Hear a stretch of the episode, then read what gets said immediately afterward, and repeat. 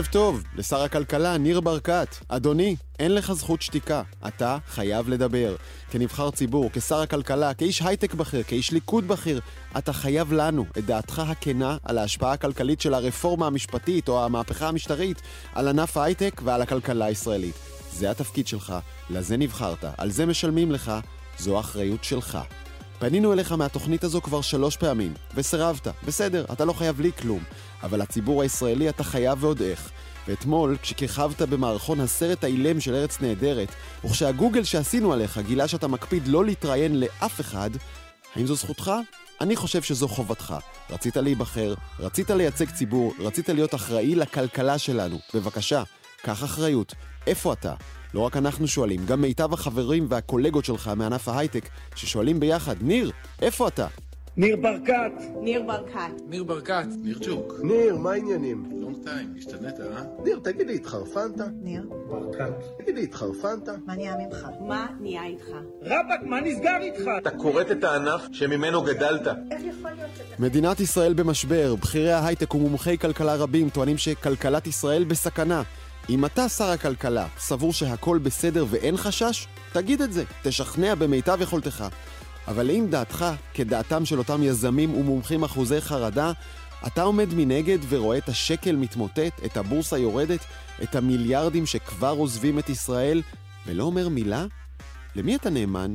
למי הצהרת אמונים כשנשבעת כחבר כנסת או כחבר ממשלה? לעם ישראל ולמדינת ישראל? או לבוס שלך ולקריירה הפוליטית שלך? אדוני, כאזרח פרטי עשית דברים גדולים. היית לוחם עז נפש ומ"פ צנחנים אמיץ כשלחמת תחת אש. היית מהאבות המייסדים של ההייטק הישראלי ומחלוצי הסייבר הישראלי. הצלחת והתעשרת כהוגן. היית ראש עיריית ירושלים, וכעת אתה המיליארדר הראשון שמכהן בכנסת ישראל ובממשלת ישראל. אתה יודע איך כלכלה לאומית ובינלאומית עובדת. כשכלכלת ישראל תיפגע אנושות ותגרור איתה מיליוני ישראלים למטה, לא תוכל להתנקות. אם אתה שותק כי אתה יודע בלבך שהחששות הללו מוצדקים, אז תדע גם שהנזק יחתים אותך ואת הקריירה שלך לעד. העתיד עכשיו, מיד נבדוק מה התפקיד הקריטי שלוקחות חברות טכנולוגיה במלחמה באוקראינה, שאנחנו מונים לשנה. האם נצטרך בקרוב לשלם לצוקרברג כדי ליהנות מפייסבוק ומאינסטגרם כמו שצריך? ואיך זה שעם כל הטכנולוגיה עדיין אין התראה אמיתית בפני רעידות אדמה? העתיד עכשיו, אני דרור גלוברמן, מתחילים. העתיד עכשיו, שנה על המלחמה באוקראינה, ואנחנו עם כמה היבטים שאולי חמקו לכולנו מתחת לרדאר. המלחמה הזאת מיוחדת מאוד בהרבה מאוד היבטים. ראשונית, בטח מבחינה טכנולוגית, אני רוצה לומר ערב טוב לאיציק צלף, מנהל האבטחה הלאומית של מייקרוסופט ישראל, ערב טוב. ערב טוב, דרור. שמע, בטח גם אתה שמת לב אה, שזו המלחמה הראשונה שבה נעשה שימוש טכנולוגי כל כך עמוק ומשולב עם המלחמה, מה שקוראים הקינטית. כלומר, סייבר ופגזים עובדים ביחד, או אחד נגד השני, אבל זה חלק מאותה מערכה. נכון. אה, למעשה כשאנחנו מסתכלים על, אה, על, על ניתוח האירועים אה, מתחילת המלחמה ש, שהתחילה בדיוק לפני שנה בפברואר, אז נכון שאין לנו ודאות uh, מדויקת האם זה איזשהו שינוי בדוקטורינה הרוסית, האם לשלב uh, קינטי וסייבר יחד, אבל שאנחנו בעצם uh, מבצעים ניתוח של אירועים משמעותיים שהיו לאורך החצי שנה הראשונה של המלחמה, אז אנחנו לגמרי רואים הלימה בין פעילויות קינטיות, לדוגמה מתקפה על מגדל הטלוויזיה של קייב באחד במרץ, בעצם מוקדם על ידי אה, מתקפות סייבר שהיו על מספר חברות אה, טלקום ועל הרשת התקשורת, mm-hmm. אה, ממש יום, אה, יומיים לפני, ויש עוד אה, מספר אה, אירועים אה, דומים שבעצם אה, גורמים לנו להאמין שכנראה יש אה, איזושהי כוונה אה, מוכוונת להשתמש בכלי סייבר כאיזשהו כלי במערכה הקינטית. כן, ראינו את זה גם בהפצצות על אה, תשתיות אזרחיות, כמו אה, בתחומי המים אה, ובתחבורה ובלוגיסטיקה. לפני נכון. ההפצצה אה, משגרת רוסיה גם אה, מתקפת סייבר. אה, עד, כמה, עד כמה הם מתוחכמים, וכמובן אנחנו מסתקרנים בזה לא רק מסיבות של חדשות חוץ, אבל עד כמה המתקפות האלה מתוחכמות ועוזרות למתקפה הקינטית שבאה אחר כך לפצצות? אז... אני אתחיל בזה ש, שאנחנו אה, היינו מעורבים, אנחנו, אני מתכוון חברת מייקרוסופט, הייתה מעורבת אה, במתקפה באוקראינה למעשה כמה חודשים לפני שהתחילה. אה, בעצם הממשלה האוקראינית אה, פנתה אלינו בסיוע בזה שהיא מזהה אה, מספר אירועים מדינתיים בתוך אוקראינה שמקשרים, שאנחנו בעצם קישרנו אותם למספר קבוצות מדינתיות. כן. החודשים שבעצם האירועים שאירעו מספר חודשים לפני המלחמה בעצם אפשרו לנו לנתח את אותם אירועים ובעצם להכין כלים, סנסורים אה, ומערכות הגנה שבדיעבד אנחנו מבינים שהם מאוד עזרו בהכלת המתקפות אה, בתחילת המלחמה וגם בהמשך. עכשיו, רגע, תקן אותי רגע אם אני טועה, גם מה שאתה מספר עכשיו הוא די חדש ותקדימי. אני בטוח שיש הרבה מאזינות ומאזינים שמשפשפים רגע את האוזניים. מדינה, לפני שהיא מתכוננת למערכה צבאית, אתה יודע, בדרך כלל יוצרת קשר עם אה, יצרניות טילים ופגזים וחימוש והגנה ו- וקונה ממהם את הציוד, וכאן אתה אומר, זה, זה גם הפך להיות התפקיד של, של חברת מייקרוסופט, או של חברות טכנולוגיה בכלל. נכון, יש פה שני תקדימים, באמת תקדים אחד של כיסוי סייבר ברמה מדינתית, והתקדים השני הוא בכלל שזה יוצא לאור. זאת אומרת ש, שחברה מסחרית שבאה מאינטרסים מסחריים פתאום נמצאת ממש במגרש משחקים של, אה, של מדינות. Mm-hmm. אז, אז אכן בגלל הפריסות הגלובליות של החברות הטכנולוגיה הגדולות, כשאני מסתכל על מדינה, מדינה מאוד בפוקוס על האזור שלה והאיומים שלה ומה שקורה סביבה, וכשאנחנו אה, נמצאים היום באיומי סייבר שבעצם מגיעים, אה.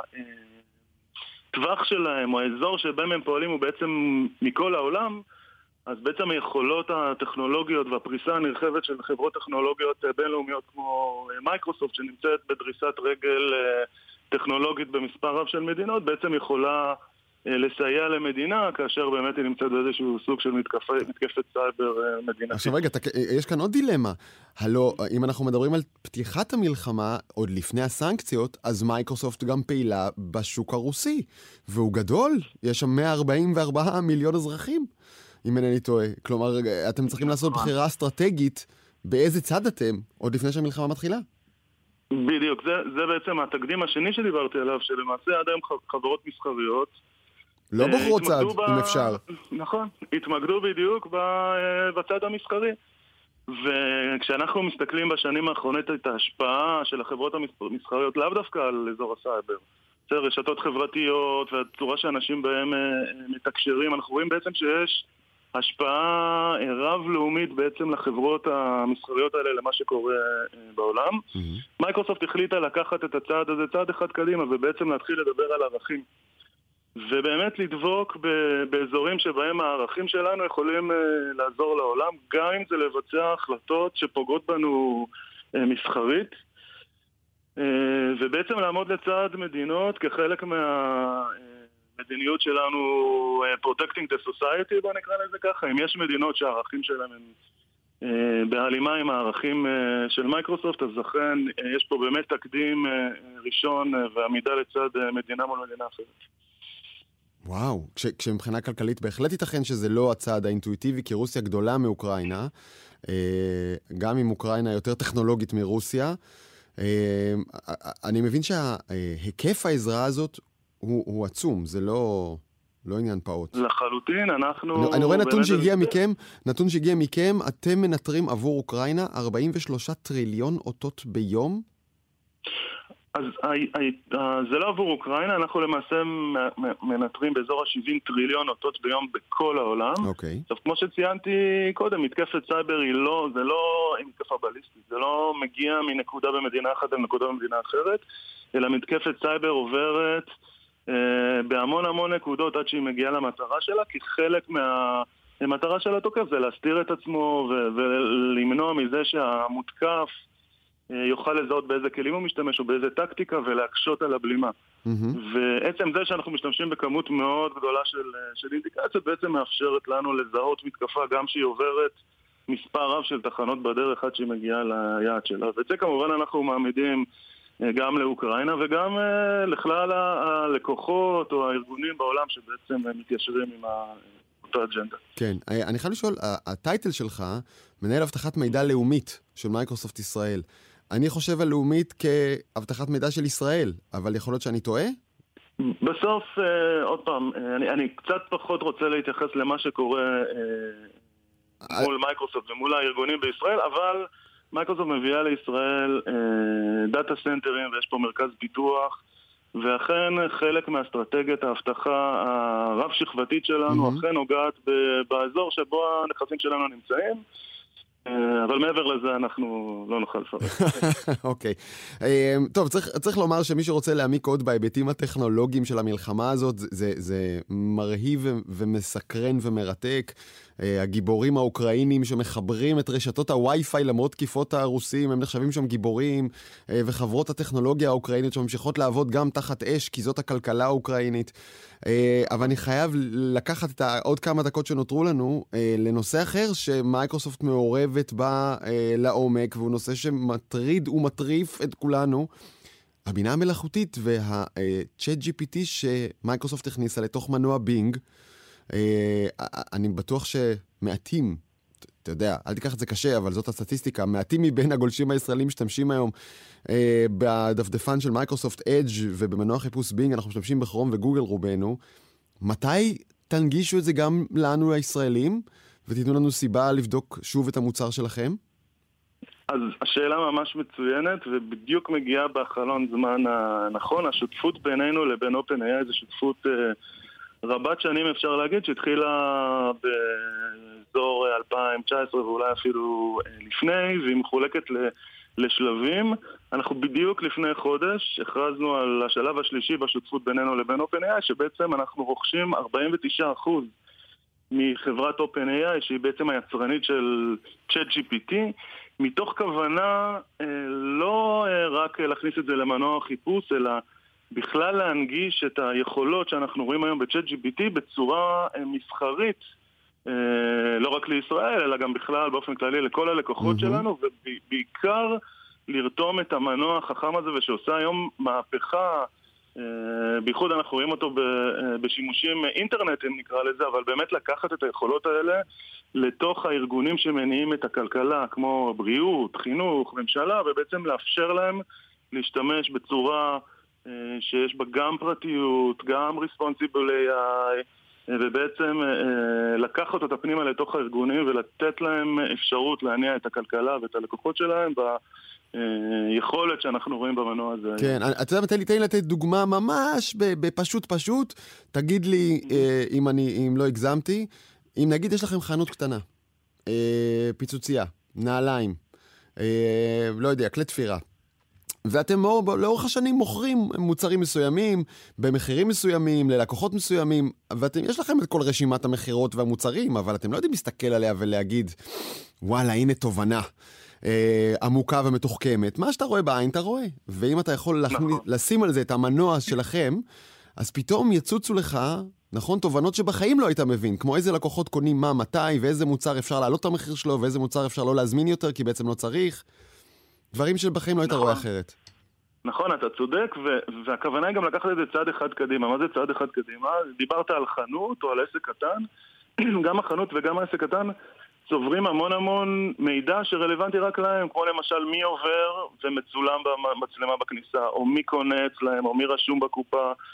אה, המון מידע שהוא בעל ערך שבעצם אף אה, מכונה או תוכנה לא יכולה להחליף, אבל היום ה- ה- אחד האתגרים שיש שם זה בעצם לקחת את המידע הזה, שיש בו ערך רב, ובאמת לעשות איתו שימושיות שהיא אפילו אה, באופן ישיר תורמת לאותו עסק. כן, זה... מה- ובעצם ה- המסחור של המנוע הזה בעצם מאפשר ל- באמת לחברות קטנות, אפילו לא, לא אה, מעצמות טכנולוגיות גדולות, בעצם לעשות את ה- הדברים האלה. כן, אבל אה, אז הדברים האלה ממש ממש מעבר לפינה.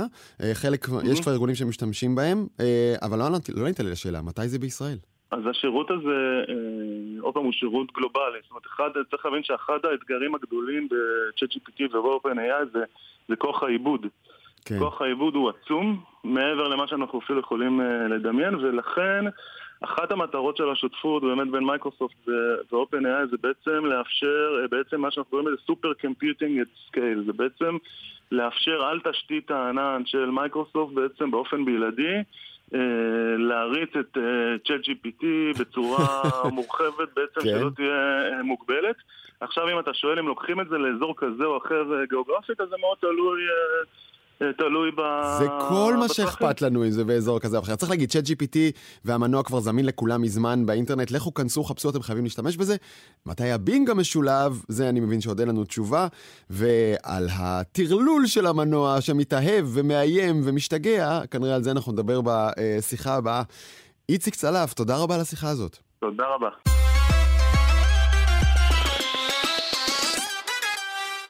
עתיד עכשיו, אנחנו אמנם בתקופה לא קלה להייטק העולמי, האמת שגם לא קלה להייטק הישראלי, אבל הנה בשורות טובות, גם לטכנולוגיה, גם לעתיד האנושות וגם לפה שלכם. ערב טוב, ניר גולדשטיין, מנכ"ל GFI.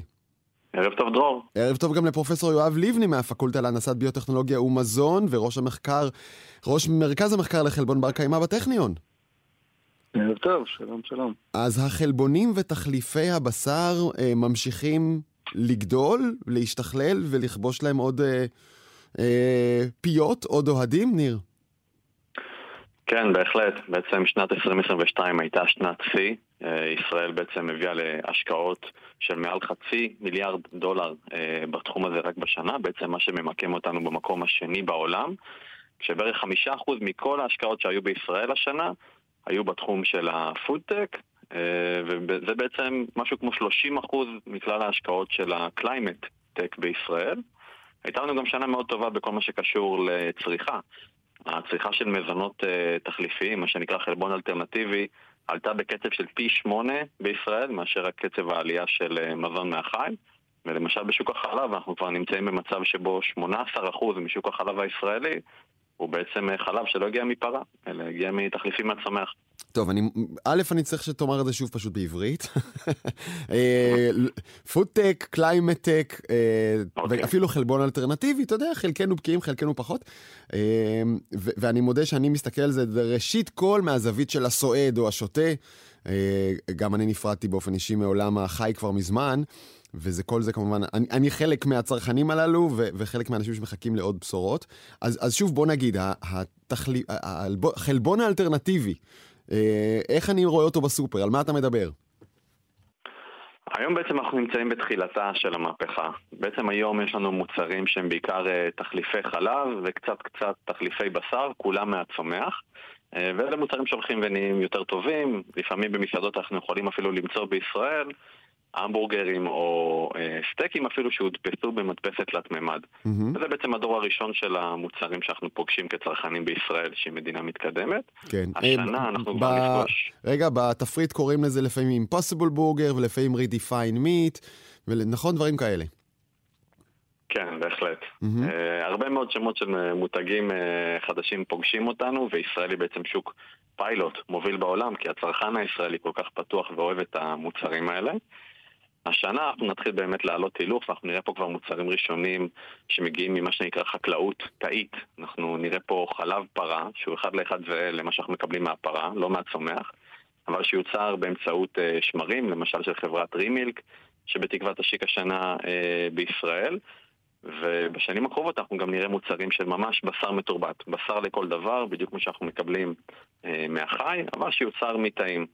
והדבר, אתה בעצם בא עם שתי בשורות. האחת שהתעשייה עצמה גדלה אה, מהר, ודיברת על 450 מיליון דולר אה, שגויסו אה, לחברות ישראליות, ו- ושתיים שבאמת הסועד הישראלי שמח ומוכן לנסות. אתה יודע, זה מוזר, כי, כי כשאני מדבר על זה עם אנשים, הרבה פעמים מה שאני שומע זה, עזוב אותי, תן לי את הקבב שלי, מה אכפת לי עכשיו תחליפים? כן, לגמרי, אבל אנחנו בעצם במצב שבו אין לנו כל כך ברירה, משתי סיבות עיקריות. הנושא של ביטחון מזון והנושא של משבר האקלים. ישראל בעצם מייבאת מעל 80% מהבשר שלה, וראינו בשנה האחרונה, משברים כמו שיש לנו באוקראינה, ועם הקורונה, וכשתעלת סואץ הייתה סגורה, בסופו של דבר, המקרים שבהם שרשרת האספקה של עולם המזון תיפגע, יהיו דחופים יותר ויותר, ויישאר תישאר, ישראל תישאר בלי בשר. הנושא השני זה משבר האקלים, אי אפשר להתעלם מזה. אם אנחנו רוצים לאפס את פליטות גזי החממה, אי אפשר להתעלם מסקטור שפולט מעל 20% מסך פליטות גזי החממה. אין לנו יכולת להתמודד עם משבר האקלים בלי ליצור פתרון למשבר הבשר. ולא רק ישראל מבינה את זה, זה בעצם מרוץ עולמי. אה, מדינות כמו ארצות הברית וסין ומדינות נוספות באירופה שמות את הנושא הזה במרכז האסטרטגיה שלהם בתחום החקלאות, המזון וההייטק. רק הלילה למשל, חדשות מהלילה האחרון, ה-FDA בארצות הברית אישר לראשונה לקרוא לחלב מהצומח חלב, מה שעד היום קראו לו משקה ודברים כאלה, מהמם. וגם ראש ממשלת יפן החליט על אסטרטגיה אה, לאומית שלהם שנכנסים לתחום. ולכן ישראל היום היא מובילה עולמית גם בצריכה, אבל גם בהייטק ובעצם בהמצאות של המוצרים האלה. אבל לא לעולם חוסן, כי מדינות העולם מתעוררות. ואם אנחנו רוצים להישאר בטופ, אנחנו צריכים פה כבר עכשיו, בחודשים הקרובים, לאמץ תוכנית לאומית שתיתן לנו פתרונות שישאירו אותנו בטופ. כן. אם זה בעולם של רגולציה, אם זה בעולם של השקעות באקדמיה, הדבר הזה יכול לייצר לנו עשרות אלפי משרות מהמם. ורווחים גדולים לכלכלת ישראל. כן. אה, פרופסור לבני, זה שהמחקר, אה, זה שהמרכז שבראשו אתה עומד עוסק בחלבונים, בעצם מסיט את תשומת הלב שלנו משאלת הטעים לי, לא טעים לי, לעד כמה זה מזין, אה, וזו באמת הדילמה הגדולה. זה לא צריך להיות רק טעים כמו בשר, אלא צריך להיות שם תכולת חלבונים, נכון? טובה, בריאה ולא יקרה מדי.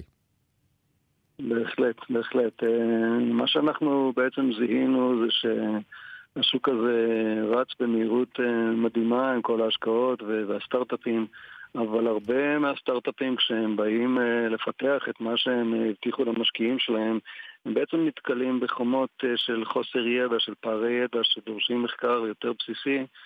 ולשם כך הקמנו בעצם את המיזם הזה בשיתוף פעולה עם ה-Good Food Institute וביוזמה משותפת שלי ושל אה, אבי שפיגלמן, פרופסור אבי שפיגלמן ודוד שם טוב מרשות המחקר אצלנו בטכניון. וזה בעצם הולך להיות מרכז ראשון אה, מסוגו בעולם שיתקוף ברמה האקדמית בתוך אוניברסיטה את הבעיות אה, של חלבון בר קיימא, חלבון אלטרנטיבי על כל המכלול של האספקטים קודם כל בשלושת הכיוונים העיקריים של תחליפים מהצומח תחליפים אה, של בשר מתורבת או תחליפים טעים כמו שניר אמר ואת הנושא של פרמנטציה אה, וגם ברמה של הטכנולוגיה, פיתוח הטכנולוגיות הבסיסיות וגם אה, תקיפת שאלות כמו שאתה העלית לגבי הנושא הבריאותי, התזונתי כי בהחלט השאלות האלה עולות עכשיו איך מהמם. התחליפים האלה מבחינה בריאותית, האם הם מספקים לנו את מכלול הנוטריאנטים שאנחנו צריכים, איך הזמינות הביולוגית של כל הנוטריאנטים, ויש פה יתרונות וחסרונות לתחליפים האלה, ש... שבהחלט אה, צריך לתת עליהם את הדעת.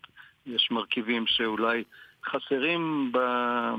כשאתה נגיד יוצר מוצר מהצומח אה, ורוצה ליצור מוצר שדומה למזון מהחי, אז יש למשל חומצות אמינו מסוימות שחסרות מהמם. וקיימות בחלבון מהחי.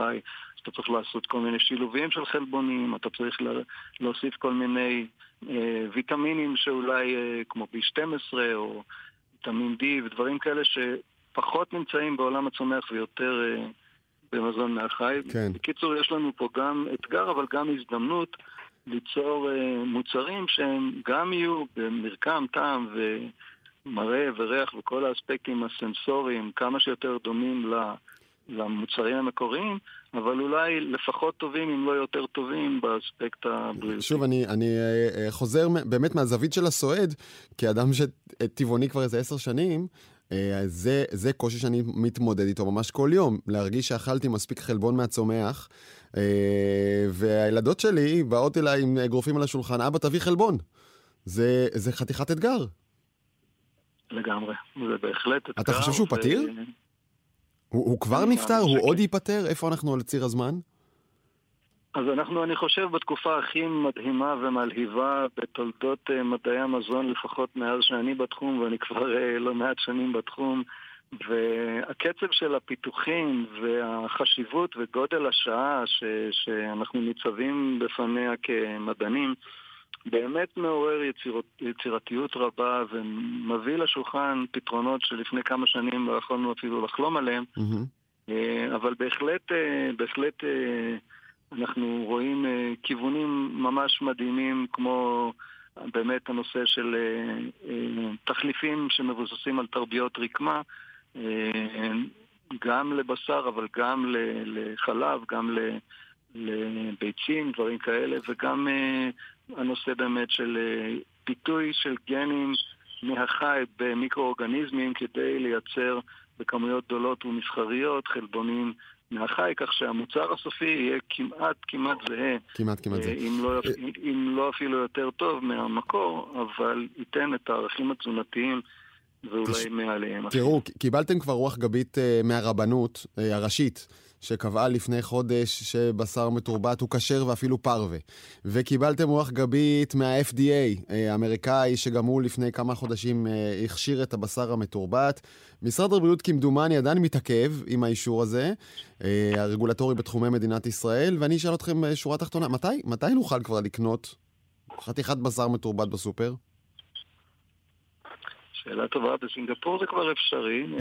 ניר, יש לך מושג? מוכרים- אנחנו עובדים על זה, משרד הבריאות יושב על זה בימים אלה בשצף קצף, אבל זה לוקח יותר מדי זמן, ואנחנו בעצם במרוץ, כמו שאמרתי, החברות הישראליות מחויבות לבעלי המניות שלהם, והם ילכו לשוק הראשון שיאשר להם. יש ממשלות אחרות שמציעות להם מאות מיליוני דולרים ואישורים רגולטוריים כדי לפתוח שם מפעלים. אה, הרגולטור הישראלי בינתיים עובד על זה, אבל בקצב שהוא לא מספיק תחרותי. אנחנו צריכים לקבל אישורים כבר, לא השנה, בחודשים הקרובים כדי להישאר תחרותיים. גיליתם להם ראינו שההבדל... את החברה המו... גיליתם להם? ש... גיליתם להם שבארצות הברית כבר יש אישור ש... אני מרשה לעשות קופי פייסט מאמריקה, זה בסדר. גילינו לחלוטין, ואפילו חברת הבשר המתורבת הגדולה בישראל, ואחת הגדולות בעולם, בליברמיט, כבר מתחילה ממש לבנות את מפעל הבשר המתורבת הגדול בעולם בארצות הברית, ויכל לקרות בישראל אם היינו מאשרים את הרגולציה. פספסנו. חבל. יש. לנו פה עוד 60 שאסור שהם יברחו, זה הסיפור. וואו. אה, ושאלה אחרונה שאתם תעלו לי כל אחד במילה. האם תחליפי הבשר יהיו מוכנים בזמן כדי להיאבק בהתחממות הגלובלית, או שאת המרוץ הזה אנחנו נפסיד? שום דבר לא מובטח.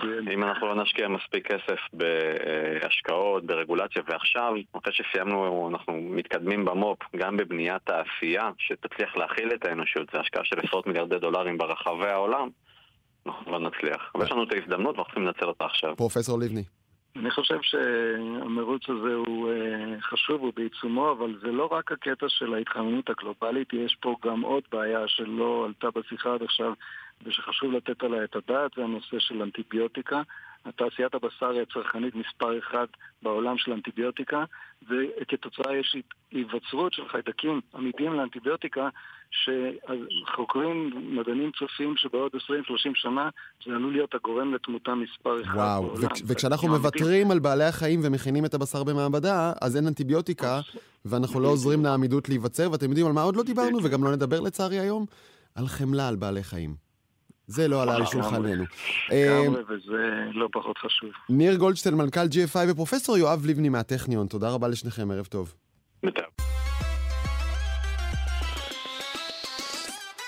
מעתיד עכשיו משתמשים בפייסבוק או באינסטגרם? גם מרק צוקרברג רוצה שתשלמו לו תמורת וי כחול. האם הוא הולך בעקבות מאסק? מצטרפת אלינו כתבת הטכנולוגיה עומר עזרן. היי עומר, ערב טוב. שלום דרור, מה נשמע? טוב מאוד. אז לך יש וי כחול? אה, כן, בטוויטר. נכון. והיית משלם על וי כחול בפייסבוק, באינסטגרם? אני עוד לא שילמתי על אף וי כחול, ועוד לא נתנו לי סיבה לעשות את זה, אני לא יודע אם יצליחו, אבל אני מודה שהם ממש מתאמצים. כן, אז עכשיו צוקרברג גם הולך אה, בדרכו של אילון מאסק, הוא רוצה שנשלם לו בשביל שייתן לנו את ה-V הכחול הזה, אה, עומד על בערך 12 אה, דולר בחודש, והמינוי הזה יעניק למשתמשים חשיפה מוגברת וגם תעדוף בשירות לקוחות. וואו, ש... צריך להגיד, היום אין שירות לקוחות, כלומר תעדוף זה שבכלל מישהו יקשיב לך. כן, אז כשיש לך כל כך הרבה עוקבים והפלטפורמות האלה באמת הופכות לפרנסה שלך, אתה רוצה שיקשיבו לך, אתה רוצה שברגע שמישהו מנסה לפרוץ לך לחשבון, תוך שנייה מחזירים לך אותו והאיום אה, יוסר. מהמם. אבל צריך להגיד, ה-V כחול הזה שאנחנו מדברים, למי שלא מכיר ממאזיננו או מאזינותינו, זה בעצם סמל הסטטוס נאמבר 1 ברשתות החברתיות. כן, ליד השם שלך נכון. מתווסף V כחול, שהוא אומר עליך מה? שאתה מאומת, שאתה החשבון האמיתי, פחות זיופים. שאתה חשוב, כן. שאתה טיפה יותר סלב, נכון? אה, רק ש- לגמרי. מרגע שהתחילו למכור את זה, אז קצת הסטטוס שזה ירד. כן, אז קודם כל, כל חשבון יכול לשלם, זאת אומרת, גם אם זה למשל היה קטע בטוויטר שהטליבן שילמו והיה להם וי כחול, או כל מיני חשבונות אה, שהתחזו לאנשים ואז חשבו שזה הם, כי זה היה איזשהו עימות לזה שזה באמת אתה, אה, אז זה יכול ליצור אה, בעיה מאוד גדולה. צריך להגיד, כשראש הממשלה אה, מקבל לימוד, זה חשוב לנו לדעת שהוא מדבר ולא נכון. מישהו מתחזה לו, אה, אבל גם אם מדובר ב... לא יודע, אדם מוכר, או אומן, או, או זמרת, זה, זה בסדר גמור לדעת שהם חשובים, וזה גם חשוב לתת להם שירות לקוחות. השאלה, מי צריך לשלם למי? אני צריך לשלם לפייסבוק? אבל אני- אני מייצר פה את התוכן. נכון, אולי אז- תשלמו אתם לי? אז האנשים האלה שפייסבוק בעצם מכווינה אליהם את התשלום, כלומר כל המפורסמים, בלוגרים, הם בעצם יוצרי התוכן שיוצרים לפייסבוק את כל הכסף. מהם היא מתפרנסת. כן. אז uh, גם הם מתפרנסים ממנה, זה חשוב להם, אז uh, פייסבוק אומרת, רגע, בוא נראה מי צריך את מי יותר. נכון. את תשלמי? לא. למי את משלמת? אני כבר עמוק בתוך הספוטיפיי אוקיי. והנטפליקס, זה משהו שקשה להתנתק ממנו, אבל אני מרגישה שכן מקבלים איזושהי תמורה למוצר. אתה אה, מקבל תוכן. תוכן איכותי, מוזיקה שמישהו אשכרה עבד עליה. כן, ו- ואינסטגרם יש לי, בוא נגיד, אה, גם בלי תשלום, כל ה story, כל הפוסטים, כל ה reels, אין סיבה בשבילי כרגע לשלם. כן, אני אגיד לך שקיבלתי מטוויטר הודעה ממש לפני כמה ימים, שאם אני לא אשלם, אז אני לא אוכל להשתמש במה שנקרא 2FA. Two Factors Authentication, כלומר האימות דו-שלבי עם הטלפון, שזה הדרך הכי טובה לוודא שלא יפרצו לך. נכון. אז את זה מה שכבר רובנו התרגלנו לעשות, לקבל אס.אם.אס לטלפון ולהזין אותו בתור אימות, הם הולכים לקחת ממי שלא משלם ולחשוף אותך לחדשות מעולות להאקרים. מי שלא ישלם ממש. יהיה פרוץ, ניתן לפריצה יותר קלה. אז קודם כל, כל מי שמאזין, לכו עכשיו, תעשו עימות אה, דו-שלבי בכל הפלטפורמות שלכם, כי זה מאוד מאוד חשוב. וזה די מוזר, כי בעצם לכל הרשתות האלה יש אינטרס שלא יבואו ויגידו, רגע, פורצים לי. שלכל המשתמשים שלהם יתחילו לפרוץ, כי זה באמת נהיה הרבה יותר קל בלי העימות דו-שלבי. אה, זה תעודת עניות כלשהי לפלטפורמה. טוב, אנחנו כאן, אה, נראה לי דעתנו ברורה, אבל בואי נשאל את המאזינות והמאזינים. האם אתם תסכימו לשלם אה, 12 דולר לחודש, כאשר פייסבוק תציע לכם וי כחול בתמורה לשירות לקוחות טוב יותר, וכמובן אימות החשבון שלכם וחשיפה מוגברת בפלטפורמות? וואו, זה מרשים. אז השאלה הזאת מופיעה עכשיו באינסטגרם של גלי צה"ל ובאינסטגרם אה, שלי הפרטי דרור גלוברמן. עומר עזרן, תודה רבה. תודה. מעתיד עכשיו, הפתעה בחוק ההסדרים. מדינת ישראל, לפי ההצעה החדשה, תוכל לקבל מהבנקים ומכל הגופים הפיננסיים את כל האינפורמציה הפיננסית של בעלי החשבונות באופן שוטף. ככה, שיהיה בטוח. איתנו אלה לוי ויינריב, כתבת ופרשנית המיסוי של גלובס, ערב טוב. ערב טוב. ועורך דין דן אורחוף, שמתמחה בהגנת מידע וסייבר, ערב טוב גם לך. ערב טוב. אלה, נתחיל עם ההצעה המפתיעה. תראה, מפתיעה, אה, תלוי את מי, הציבור לא כל כך עוקב, אבל הרשות מנסה להעביר את ההצעה הזאת כבר הרבה מאוד שנים. אוקיי. מ-2015 ועד היום היא עושה כמה ניסיונות, והם כשלים. אז בואו נדבר על מה ההצעה בעצם אומרת. ההצעה בעצם אומרת, בואו נתמודד עם ההון השחור בעוד דרך, והדרך היא לקבל מידע על אה, חשבונות בנק עסקיים ולא עסקיים. ולמה אני אומרת לא עסקיים? למרות שרשות המיסים נוטה לומר שהיא ממוקדת בחשבונות עסקיים, כי ההצעה כוללת שני דברים. כוללת דבר אחד, דיווח אוטומטי של כל הגופים הפיננסיים, שזה אומר בנקים, אה, חברות סליקה, אשראי, כל הגופים הפיננסיים שאתה עושה דרכם פעולות פיננסיות, חברות של אה, העברת תשלומים דיגיטליים, מט"ח, כל דבר כזה, מהמם. להעביר מידע כל חצי שנה על אה, חשבונות עסקיים, זה דיווח אוטומטי. זו חובת דיווח אוטומטי על חשבונות עסקיים. הדבר השני שההצעה כוללת זה בעצם דרישה לקבלת מידע. רשות המיסים רשאית לבקש אה, מידע על קבוצה של אזרחים, קבוצה של בעלי חשבונות, לקוחות של אותם גופים פיננסיים, לפי אה, סימנים מחשידים או לפי אה, איזשהו... אה, היא, מגדירה את הקבוצה שהיא מבקשת לקבל עליה מידע. אוקיי. בעצם זה, זה הדבר השני שרלוונטי לכל אזרח, שהוא לא רק עסק. מהמם, אבל נראה לי שאנחנו נתמקד בעניין הראשון. היום אה, כל מי שיש לו חשבון אה, עסקי או לא עסקי, על כל פנים צריך לשלם מס, עושה דיווח בסוף השנה אה, ומדווח מרצונו מיוזמתו, כפי הבנתו, על הכנסותיו והוצאותיו ו- ו- ואת השומה שהוא צריך לשלם. ולפעמים מחליטה רשות המיסים לעשות לך חקירה יותר צולבת, אבל בדרך כלל מקבלים את מה שאתה מדווח ואתה אתה משלם לפי זה. וכאן בעצם מה? הם מכניסים מצלמה לתוך אה, חדר האמבטיה שלי, ורואים יחד איתי את תדפיס החשבון באופן שוטף. נכון, אתה בעצם, אה, אם אתה, יש לך חשבון עסקי או חשבון פרטי, זה בעצם אה, אה, כולל, ההצעה כוללת גם אה, דרישה לקבל כל חשבון שיש לך כל עוד אתה בעל עסק, גם את החשבונות מהמם. הפרטיים שלך, אוקיי. אה, את כל המידע שעשית, כל העברה, בעצם המטרה של רשות המיסים זה לקבל תמונה יותר רחבה על כל uh, מהלך פיננסי של, בע, של בעל עסק, כל מהלך פיננסי. הם רוצים לתפוס את הקוסמטיקאי, את המדריך כושר שמעבירים להם אה, בביט או בפייבוקס או בכל, אה, לא תמיד הדברים האלה מהמם. חשופים לרשות המיסים, כל האפליקציות תשלומים, דברים כאלה, הם רוצים להאיר את האזורים האלה הפחות חשופים, אבל באמצעות ככה אה, הוראה מאוד אה, גורפת של אה, קבלת מידע כל- ומאגר מידע מאוד מאוד עצום שהיא תקבל. עכשיו צריך להודות, היות שהמידע הזה הוא דיגיטלי, אז עקרונית, המהלך הזה הוא אפשרי, ותעבור רשות המיסים ותראה הכל, וזה אני רוצה להפנות אליך, עורך דין אורחוף, הרי אנחנו בסך הכל כמדינה רוצים להימנע מהתחמקות ממס, רוצים להימנע מהון שחור, זה משרת את כל האזרחים. מה הבעיה? אז יראו את כל התנועות ויקחו מס אמת. קודם כל נתחיל בזה שרשות המיסים גם היום יודעת עלינו הרבה מאוד, אבל עצם העובדה שהם מנסים ו- אה, כמה פעמים אה, אה, לעורר את הצעת חוק הזאת, זה אומר שיש להם באמת בליינד ספוט ולא מעט מידע שלפחות בעיניים שלהם חסר להם.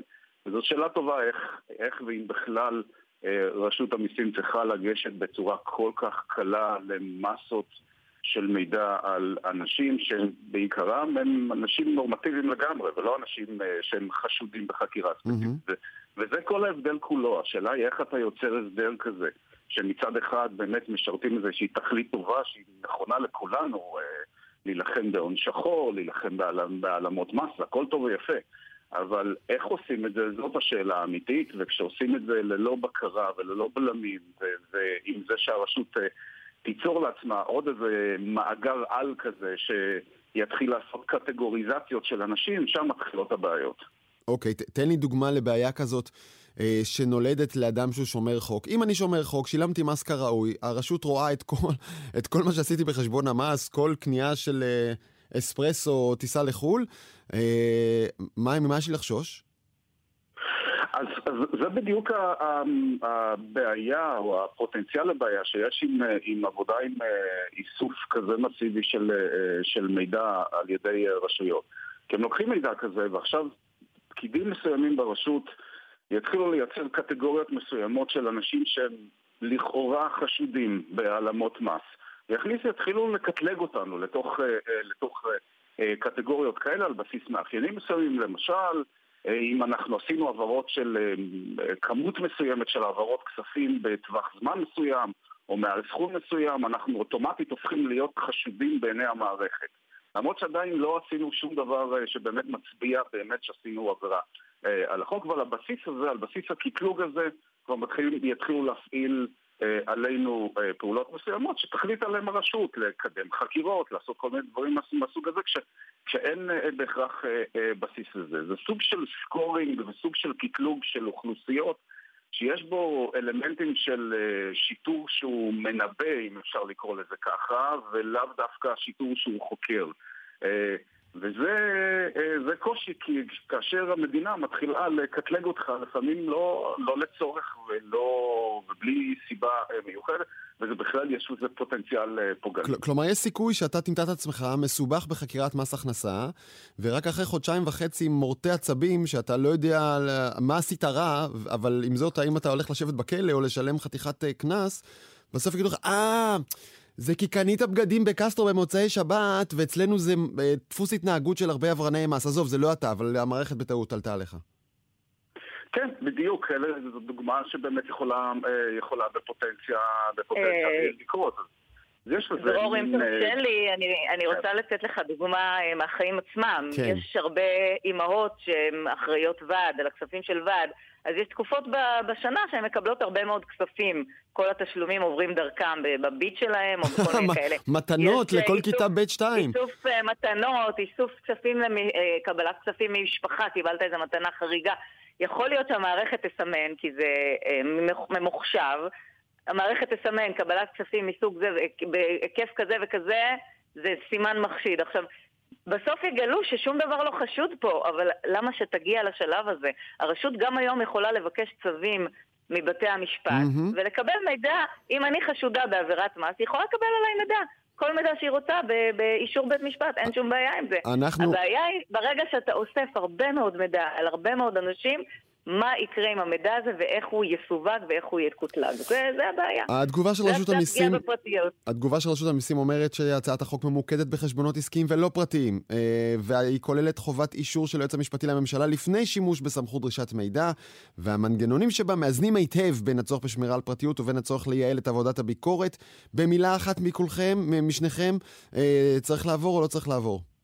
לא צריך לעבור, זה שזה רק חשבונות עסקיים או זה שזה הפוקוס, זה, אני לא בטוח שזה מרגיע, יש הרבה מאוד עוסקים מורשים וכולי, עדיין לא אה, בהכרח צריך להתחיל לקטלג אותם ולאסוף מידע בכאלה אה, מסות. כן.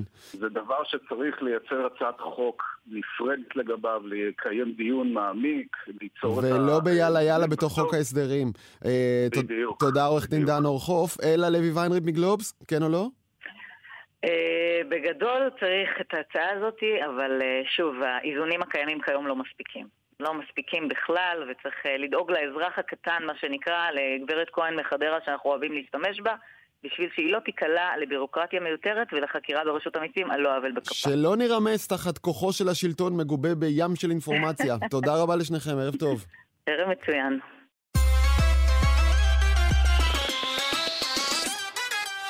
עתיד עכשיו, רעידות האדמה אה, עוקבות זו אחר זו באזורנו, אה, והגיע הזמן לשאול שוב, האם יש טכנולוגיה שיכולה לחזות רעידות אדמה? דוקטור איתי קורזון, סיסמולוג במכון הגיאולוגי בישראל, ותום לנדמן, מדען נתונים ועוסק בבינה מלאכותית ב-DSG Group. ערב טוב לשניכם. ערב טוב. ערב טוב. אה, למיטב אה, זיכרוני מלפני חמש או עשר שנים, ששאלתי את השאלה הזאת, אמרו לי, תשמע, עם כל הטכנולוגיות, אנחנו עדיין לא יודעים לחזות רעידות אדמה. לגבי חיזוי, אנחנו לא, אנחנו לא נמצאים שם עדיין. חיזוי רעידות אדמה זה משהו שניסו כבר אה, המון המון שנים בתחום הסיסמולוגיה, והיו כל מיני ניסיונות, והיו אה, הצלחות רגעיות, שאחר כך הוכחו כמשהו שלא עובד, ולכן היום אנחנו נורא נורא נזהרים, אנחנו לא, לא מדברים הרבה על חיזוי. יש עדיין קבוצות שמנסות לעשות את זה, אבל אנחנו עדיין לא, לא נמצאים שם.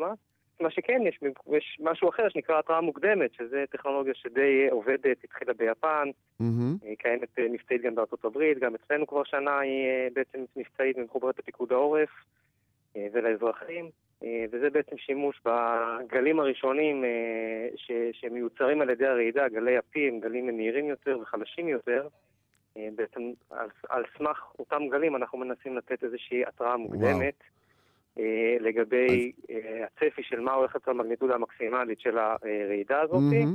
ובזכות הטכנולוגיה שאנחנו יכולים להעביר למעשה את המידע הרבה יותר מהר לתושבים מאשר מהירות גלים סייסמיים, אנחנו כאילו מנצחים את, גלי ההרס שמגיעים, אה, שמגיעים אחרי, אה, אחרי הגלים הראשונים שאיתם אנחנו עושים את ההערכה. אוקיי, אה, אז אה, דוקטור איתי קורזון, בעצם קצת אכזבת אותנו בהתחלה, אמרת חיזוי עדיין אין, אבל יש חיזוי מה, בטווח של דקות? תכף זה מגיע, הנה זה התחיל? שניות. שניות. זה התראה מוקדמת, זה לא חיזוי, זה התראה מוקדמת, זה כאילו, אני לא חוזה את זה, אני, מש- אני זה, כבר, זה כבר התרחש. בוא'נה, בשניות אני לא מספיק לרוץ החוצה מהבית. אה, בש... נכון, זה, זה נורא תלוי איפה אתה נמצא. נניח ביפן זה יותר ריאלי, כי ההעתק נמצא 150 קילומטר בתוך הים ברוב המקרים. אז יש לך משהו כמו 40 שניות, ואצלנו זה נע בין אה, כלום לבין אה, 20-25 שניות, אה, תלוי, תלוי מאוד איפה המוקד ו- ומה מה הטארגט. מזכיר לנו התראות של רקטות מעזה. אה, תום לנדמן, אה, המתמחה בבינה מלאכותית, תגיד, זה, זה לא מוזר? עם כל הנתונים שכבר נאספו במדעי הסיסמולוגיה והגיאולוגיה, ועם כל יכולות העיבוד המטורפות שאנחנו רואים בשנים האחרונות, עדיין לא הצליחו לנבא. אז זאת שאלה טובה. בעיקרון, אה, בהמשך למה שאיתי אמר, אכן הפתרונות חיזוי שקיימים היום הן אה, לא מהימנות מספיק אה, כדי שנסתמך עליהן. כן היו משימות בשנים האחרונות קצת יותר פיתוחים בעולמות של בינה מלאכותית שמשלבים את הנתונים שקיימים, בין אם זה כל מיני מודלים שיכולים להבחין ברעש ססמי לבין אותות רעידות אדמה, או כל מיני אה, מודלים שמסתמכים על אותות שנוצרים בעקבות איזה שהם שינויים בשדה הכבידה, אבל המודלים האלה רחוקים אה, מלהיות מהימנים גם כי הם בפועל, כשבחנו אותם, הם לא עמדו בציפיות, וגם חלקם אומנו על כמות נתונים שהיא קטנה. חלק מהבעיות הן באמת, אה, כדי שהטכנולוגיה הזאת תצליח יותר בחידוש שלה, אז קודם כל צריך לאסוף כמות נתונים יותר גדולה, לא רק ברמה אה, אה, מקומית, או אני לא, לא מכיר שום database אה, שמאחד את כל הנתונים האלה בקורת גג אחת, אבל אם יאספו את כל הנתונים האלה לאורך תקופות זמן שונות, באזורים שונים, אז כבר קודם כל כמות הנתונים תעלה. עוד נקודה שחשוב להתייחס אליה זה סוג הנתונים. בעצם היום הטכנולוגיות של הבינה המלאכותית מאפשר לנו להתמודד עם סוגים אה, שונים של נתונים, לדוגמת תמונות, טקסט, אה, קבצי קול, אה, מעבר לנתונים המובנים והטבליים שאנחנו רגילים אה, לראות בקבצי אקסל לפעמים. רגע, אתה- ו- אתה יודע, אנחנו מדברים על רעידות אדמה. אה, אני, נכון. הדמיון הנורא מוגבל שלי מאפשר לי לדמיין שאתם עוקבים אחר תנודות הלוחות הטקטוניים בעולם. אוקיי, אה, מה קשור אה, תמונות. ומה קשור גלי קול? איך זה עוזר? מעולה. אז, אז, אז בעיקרון, קודם כל, כמו שאמרת, אה, אכן החיישנים שקיימים היום, הסטנוגרפים והאקסלומטרים, מאפשרים לנטר פעילויות פיז- פיזיולוגיות באדמה, שזאת דרך אחת באמת לאסוף את המידע. דרך שנייה זה באמצעות תמונות טרמיות, אולי מצב לראות האם החום בקרקע משתנה, והוא אוקיי. גם כן מהווה אינדיקציה. ואתה מאמין שאם יאספו, יאספו את כל האינפורמציות האלה, אז אולי שמה כן תיוולד האפשרות לחזות באופן שארוך יותר מכמה שניות את אה, רעש האדמה הבא. כן, אז שוב, סוג הנתונים מאפשר לנו להיחשף למידע שונה, וביחד, אם עושים היתוך של כל המידע הזה, עם איזה תמונות, אפילו קבצי טקסט שמדברים על שינויים ומצבים גיאופוליטיים באזורים מסוימים שהיו בהם רעידות אדמה באותה תקופה, יכולים גם לשפוך סוג של אור, אה, וביחד הם מגדילים את הכוח של היכולות חיזוי, ואולי משם גם תגיע אה, ההתקדמות המשמעותית. הבעיה הגדולה ביותר שלנו למעשה זה שאנחנו לא מודדים את ה... כל הסיפור נובע מאיזושהי הצטברות של מאמצים בנקודה מסוימת וכשל. וכשל של החומר, אוקיי? ו- ולמעשה היכול, אין לנו, אנחנו לא מודדים מאמצים, אנחנו מודדים רק עיוותים במרחב. תגידו, התפיסה הזאת שבעלי חיים יודעים להרגיש רעידות אדמה עוד הרבה לפנינו, היא נכונה? אני יודע שבעבר אה, היו מסתכלים על התנהגות חרדתית אה, של בעלי חיים אה, גם כאינדיקציה, אם להגיד שזה אינדיקציה שמספיק מהימנה או לא, אני לא זואולוג לצערי, אבל כן מדדים פיזיולוגיים כאלה או אחרים יכולים להוות אינדיקציה, לדוגמה רעידות אדמה מקדימות, שזה לפעמים יכול להוות תנאי אה, לרעידת אדמה, למרות שגם ההיסטוריה מראה שברעידות גדולות מאוד לא בהכרח היו רעידות מקדימות. טוב, אולי לתוך כל האינפורמציה שאתם רוצים לאסוף, תוסיפו גם, אתם יודעים, מד לחץ דם לכמה כלבי בית. יכול להיות שבסוף יתברר שמשם תבוא התכלית. טוב, 2023, ועדיין יש לנו לאן לשאוף מדעית. דוקטור איתי קורזון ותום לנדמן, תודה רבה. תודה רבה. תודה רבה. העתיד עכשיו לפני סיום, אנחנו אה, נחפזים. אל רמי שני, כתבנו בדרום, ומגיש הפודקאסט, מה שקורה מחר. ערב טוב, רמי.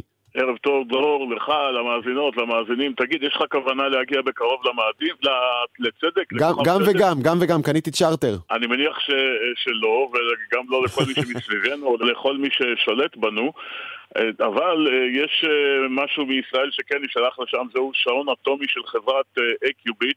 התפקיד שלו יהיה להיות חלק ממרכיבי רכב חלל שיוטס לכיוון צדק למסע של אה, די הרבה שנים. והיות והוא שעון כל כך מדויק, אז הוא יוכל אה, להסביר לרכב הזה בדיוק את המסלול, לדאוג שהוא לא יסטה ממנו, כלומר, עכשיו קצת למעלה, עכשיו ימינה, שמאלה, קצת למטה, עכשיו ארוחת ארבע. אתה יודע, לתת לו את כל הנתונים כדי שהטיסה תהיה אה, טובה ומדויקת. בואו נשמע את בני לוי מחברת אקיוביט מסביר על השעון הזה ואחר כך נמשיך.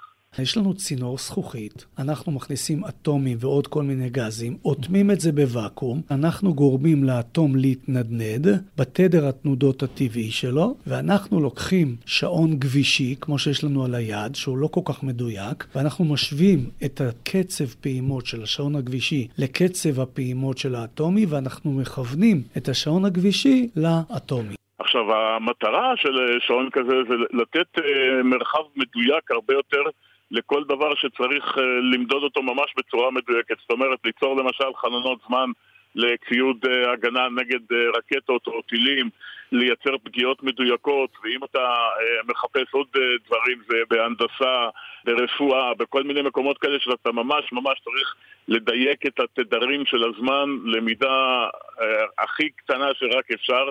וכמובן, בהמשך זה גם יוכל לעזור לנו להביא את הילדים לבתי ספר, לגנים, לחוגים, לכל מיני מקומות כאלה. עכשיו אתה מדבר. לעניין. אני צריך לכוון את הילדים, את הילדות שלי על שעון אטומי, זה הייתי רוצה. בדיוק. לדייק על השנייה. אז עכשיו הוא נוסע עם רכב החלל, אבל יש גם כוונה לייצר מה שנקרא שעון יד עם הדבר הזה. באמת? ואולי, במקום, ה, איך זה נקרא, במקום שעוני הספורט שאנחנו משתמשים עכשיו, שעונים אטומים זה יעיף אותנו יותר מהר כנראה. כל זה בהסכת מה שקורה מחר, המגזין המדעי של כמובן, גלי צה"ל. אני רוצה לדעת על המילי מילי מילי שנייה, בכמה אני מאחר גם הבוקר. אה, רמי שני, תודה רבה על זה, עד כאן, עתיד עכשיו, ערכה אביב פוגל, הפיקו פרח בר גולדפרב ועשהאל פלד, על הביצוע הטכני, אלה מוטולה וניב ירוקר. אני דרור גלוברמן, ואתם מוזמנים להאזין לנו, מתי ואיך שבא לכם, בכל אפליקציות הפודקאסטים המקובלות. פשוט חפשו באפל פודקאסט או בספוטיפיי, העתיד עכשיו. אני זמין להערות ולהצעות בדרור גלוברמן בטוויטר. יאללה ביי.